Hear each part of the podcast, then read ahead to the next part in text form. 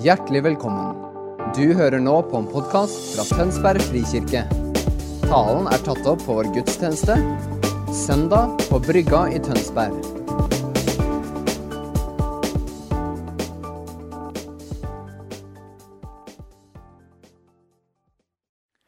God søndag. Vi er nå inne i en taleserie som handler om å Gud skriv din historie med mitt liv. Og Det jeg har lyst til å ta oss med på en liten reise i dag, er å fortsette på noe av det som Morten slutta med på i sin preke forrige søndag. Han snakka om at vi er, lever i et fellesskap med hverandre, og hvordan Gud har en misjon i verden. Og det som jeg vil at Vi skal gå helt tilbake til begynnelsen av boka og se hvordan Gud har en misjon i verden, og på hvilken måte vi er med i den visjonen. Så, jeg har lyst til at vi skal begynne. Så Hvis du har en bibel, ta opp bibelen din og gå til første Mosebok. Da leser vi fra første Mosebok, kapittel 2, vers 18. Da sa Herren Gud, det er ikke godt for mennesket å være alene. Jeg vil lage en hjelper av samme slag. Så her er det Gud. Gud har skapt Adam. Dette er begynnelsen av boka. Han sier til Adam litt tidligere så sier han Adam, du har et kall, du har en oppgave til å fylle jorda og legge den under deg. Eh, og for å si det på litt andre ord, og tenke, Hva betyr det egentlig? At Gud sier til Adam at han skal bli mange, de skal formere seg og de skal fylle jorda. Jo, Gud gir på en måte en mengde råstoff til Adam, og så sier han Adam, ta og forvalt dette som jeg har gitt deg. Bygg byer, bygg fellesskap, bygg familie, og la denne jorda her bli fylt med akkurat det som jeg ønsker. Og Så ser vi at Gud sier til Adam at det, dette funker ikke så bra for Adam å være alene. Så han skaper en hjelper. Jeg skal ikke si så veldig mye om det ordet 'hjelper', men det ordet 'hjelper' er det samme ordet som Gud faktisk bruker om seg sjøl i relasjon til oss senere. Så det er ikke det at Gud nå skaper kvinner som er på en måte mye lavere stått enn mannen, men hun skaper en likedanna hjelper til Adam. Eh, og Her ser vi at det egentlig er ekteskapet, at Gud innstifter det. og Senere så ser vi at man vi skal forlate foreldrene og komme sammen og bli ett.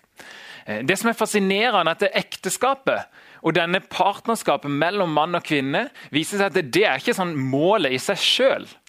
Hele poenget med at Gud skaper en hjelper, er jo fordi at de har en oppgave. Adam får hjelp til å fullføre oppdraget sitt med Eva. Og De skal gjøre det sammen. Og hvordan skal de gjøre det? Jo, Gud gjør det han vil i verden gjennom en familie, gjennom at man går sammen. Og Det bildet der kommer til å følge oss videre. Så Når vi ser, kommer til Abraham så har Bibelen med, så gå til Abraham kapittel 12, første Mosebok. Eh, så skal vi se hva Gud skriver. Herren sa til Abraham Dra bort fra landet ditt og fra slekten din og fra farshuset ditt til det landet som jeg skal vise deg. Jeg vil gjøre deg til et stort folk. Jeg vil velsigne deg og gjøre navnet ditt stort. Du skal bli til velsignelse. Jeg vil velsigne dem som velsigner deg, men den som forbanner deg, skal jeg forbanne. I deg skal alle slekter på jorden velsignes. Og Her ser vi hvordan dette, egentlig dette, denne oppgaven som Adam og Eva hadde, får Abraham nå videre. Et lite hopp til Moses før vi skal tilbake igjen til Abraham. Når Moses leder folket ut av Egypt, ut av slaveri, så kommer han til dette fjellet. Loven er et sånn gjennomgående tema som vi finner i hele Bibelen. og som er, kan være ganske komplisert å forstå, men lett, helt enkelt sagt, så når Moses får loven på Sinai-fjellet, så det, blir det framstilt som at det inngås et ekteskap mellom Gud og mennesket. Så liksom hele settingen når Gud, Gud, gir denne loven til Moses, så viser det at nå er vi i en ekteskapsseremoni. Som vil si at vi er tilbake til dette partnerskapet mellom Gud og mellom mennesket. Og Da er, kan vi forstå loven i de, liksom, den forståelsen der, at det er en paktslov. altså Det er en relasjonelle vilkår i hvordan skal dette forholdet mellom Gud og mellom mennesket foregå. Og På den tida var det, liksom, det var dramatisk å tenke at en gud kunne inngå et paktsfellesskap med et menneske. Det vil være det samme som å si at mennesket og dyret har en paktsrelasjon. På samme måte, Så dramatisk er det å tenke at Gud og mennesket på samme måte kan ha en sånn type relasjon. Så Her igjen finner vi denne relasjonen mellom Gud og gjennom mennesket. Og Så hopper vi tilbake igjen til Abraham og ser eh, hvordan han fikk et oppdrag. Hans oppdrag, på samme måte som Adam og Eva, var å være til velsignelse og bringe velsignelse og bringe alt det Gud har på jorda. Det som er fascinerende, er at han sier til Abraham i deg skal alle slekter på jorden velsignes.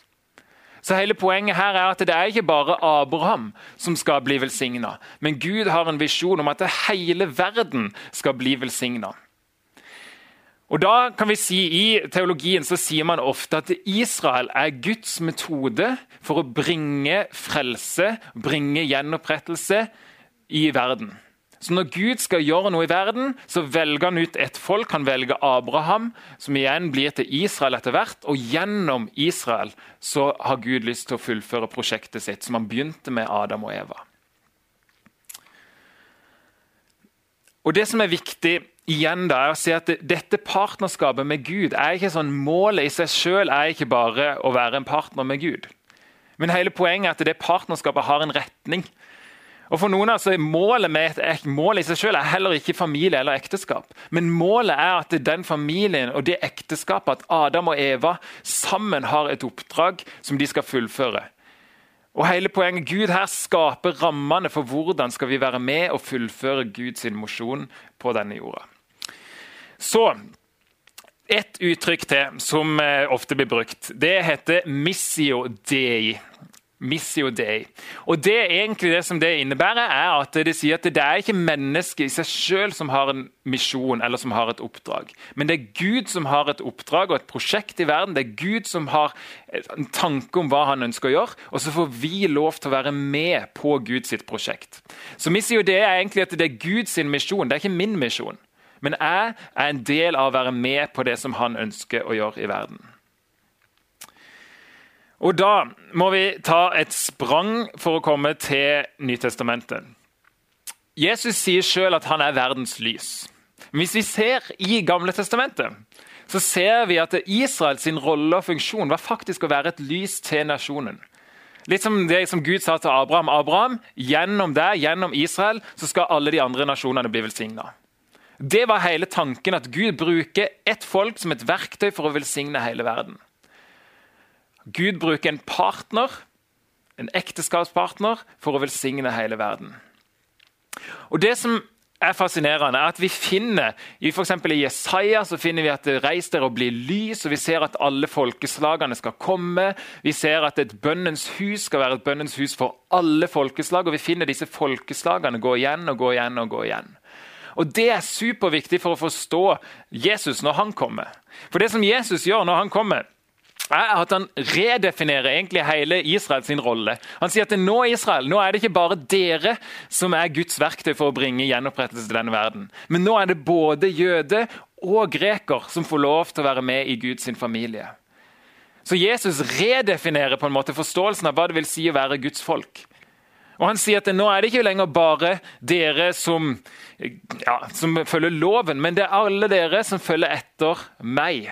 Han sier 'kom og følg meg, vær disipler av meg'. Og så Jesus sier at det er de som er en del av Guds folk, det er de som følger han. Det er de som er disipler av han. Og Det er en radikal nytenkning. Litt det som vi om For et par uker siden snakka mer om hvordan det ser ut. For å forstå enda mer av det Jesus holder på med, så er det viktig å se at det, det er to byer som blir bygd stort sett gjennom Bibelen. Vi har en by som heter Babylon, og så har vi en by som heter Jerusalem. Og Babylon var på en måte byen hvor du bygde, hvor du ikke fulgte Guds visdom. Så Adam og Eva har to måter å utføre sitt oppdrag på. De kan enten utføre oppdraget sitt på Guds måte, med Guds visdom, eller de kan utføre oppdraget sitt med sin egen visdom eller med verdens visdom. Og Hvis dere har lest Gammeltestamentet, så er det enormt mange fortellinger om kongeriket og ulike konger gjennom denne boka. her. Gang på gang så er det ulike konger. Er det en god konge som folket følger, så blir det bra i byen. Er det en dårlig konge som vi følger, så blir det dårlig i byen. Veldig lett å se gjennom hele testamentet. Eh, og Det sier oss noe om at når Gud er konge i en by, så går det bra så lenge folket følger kongen. Profetene gjennom hele Gammeltestamentet kommer og sier omvend dere, begynn å følge Jesus igjen. Begynn å følge, følge Gud. Følg kongen deres, som er konge. Så når Jesus kommer da, så redefinerer seg siden Jesus Kristus, sier vi. Og da er det plutselig Jesus som er blitt kongen som vi skal følge etter. Så det å være med på Guds misjon, det å utføre det oppdraget, det kallet som vi har, er faktisk å si Jesus, det er du som er den jeg følger etter nå. Det er du som er kongen, og det er du som styrer, og vi følger etter det. Gud. Dette blir mye teori, men jeg tror det er veldig bra å forstå disse gode, lange linjene for å forstå egentlig hva er vår rolle nå når vi kommer til Jesus og vår egen etterfølgelse.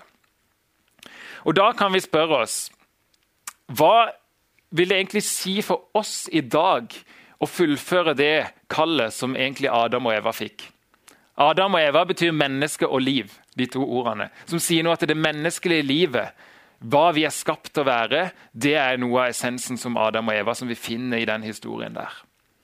Og Hvis de fikk et kall til å bygge byer med Guds visdom, til å bygge fellesskap, til å se at det er fullt av fred, til å se at det er mildhet, til å se at det er kreativitet og kunst, til å bygge bygninger Vi mennesker elsker å skape ting, og vi er skapt for å skape ting. Men vi må gjøre det med Guds visdom på hans måte. Og det er det som vi er skapt for. Så når vi kommer til Jesus, så utvider han forståelsen vår av dette oppdraget. Ikke bare sier han at vi skal fortsette og at vi skal fullføre det som, han, som Adam og Eva begynte på, men han sier også at vi skal invitere folk med på dette prosjektet. Nå er det ikke bare Israel som er med på dette, men nå er det faktisk hele verden. Og Privilegiet vårt da er jo at vi kan si til folk, vi kan invitere folk du, Gud holder på å gjøre noe i denne verden, og du kan være med på det. Du kan være med enten å bygge Babylon, eller du kan være med å bygge disse byene som er fantastiske, disse Jerusalem-byene.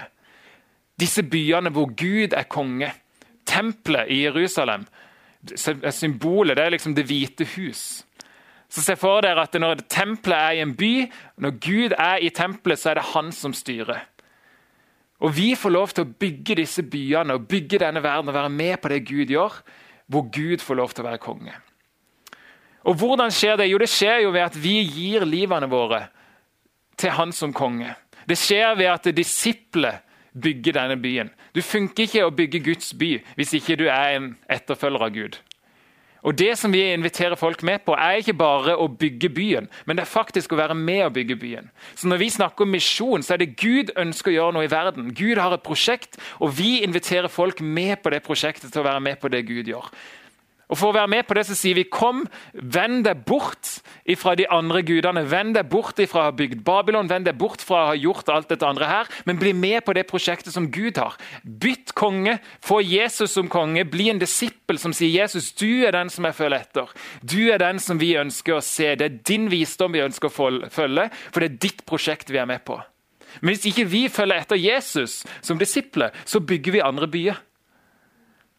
Og Det er liksom den store fortellinga som sier noe om hva er det misjon egentlig handler om. Jeg har lyst til å ta slutte hvis vi går til misjonsbefalinga, og se hvordan dette henger igjen. I Matteus 28, vers 19. Gå derfor og gjør alle folkeslag her hører vi hele denne historien som er sagt fra Adam og Eva til Abraham til Moses. Nå sier han gå og gjør alle folkeslag, alle folk, får lov til å være med på det som Gud holder på med i verden. Han, Jesus oppfyller Abraham sin profeti som Abraham fikk for 2000 år siden. Gå derfor og gjør alle folkeslag til hva? Til disipler. Til folk som sier at det er Jesus, du er kongen, det er du er lærer, det er du som er følge. Det er ikke 'kom og gjør alle folkeslag' til folk som sier 'ja, Jesus, du er god', men det er til å være disipler. Det er til å følge etter ham, til å underordne seg og si 'du er den som styrer livet mitt', du er den som er konge'. Og døp dem og lær dem å holde alt jeg har befalt dere, og se jeg med dere alle dager inntil verdens ende. Og I denne tida som vi er i nå, hvor vi beveger oss mot huskirke, og vi tenker og ser hvordan kan det se ut, og vi går og snuser på det, så tenker jeg hvordan ser det ut at vi er fellesskap? Som nettopp ikke bare tenker hvordan kan jeg bygge mitt fellesskap? Hvordan kan dette bli på en måte en by? Hvordan kan Jerusalem bli min husgruppe? Hele Poenget er at vi ønsker å se hele verden Vi ønsker å se at Guds prosjekt blir fullført med hele verden. Og vi må ha med alle som vi kan få med, inn, både inn i evigheten, for det er et evighetsperspektiv her. Men det er òg et perspektiv at det er folk, vi inviterer dem til å vende seg bort fra den andre og bygge Babylon, til å komme og bygge denne verden sånn som Gud ønsker å bygge den sammen med oss. Så jeg har lyst til å be en bønn til slutt. Hellige Ånd, jeg takker deg for at du gir oss en ny iver, en ny forståelse av hva det vil si å bygge din by. Av hva det vil si å være med på ditt prosjekt, hva det vil si å være med på din misjon, Jesus. Og Vi sier ja til at dette er din misjon. Vi sier ja til å være med og gjøre det som du gjør. Og vi ønsker å invitere med alle som har lyst til å være med på det. Amen. Takk for at du hørte på vår podkast. Har du spørsmål eller ønsker du å vite mer? Søk oss på vår nettside tonsbergfrikirke.no. Du er også velkommen til kirke på Brygga i Tønsberg.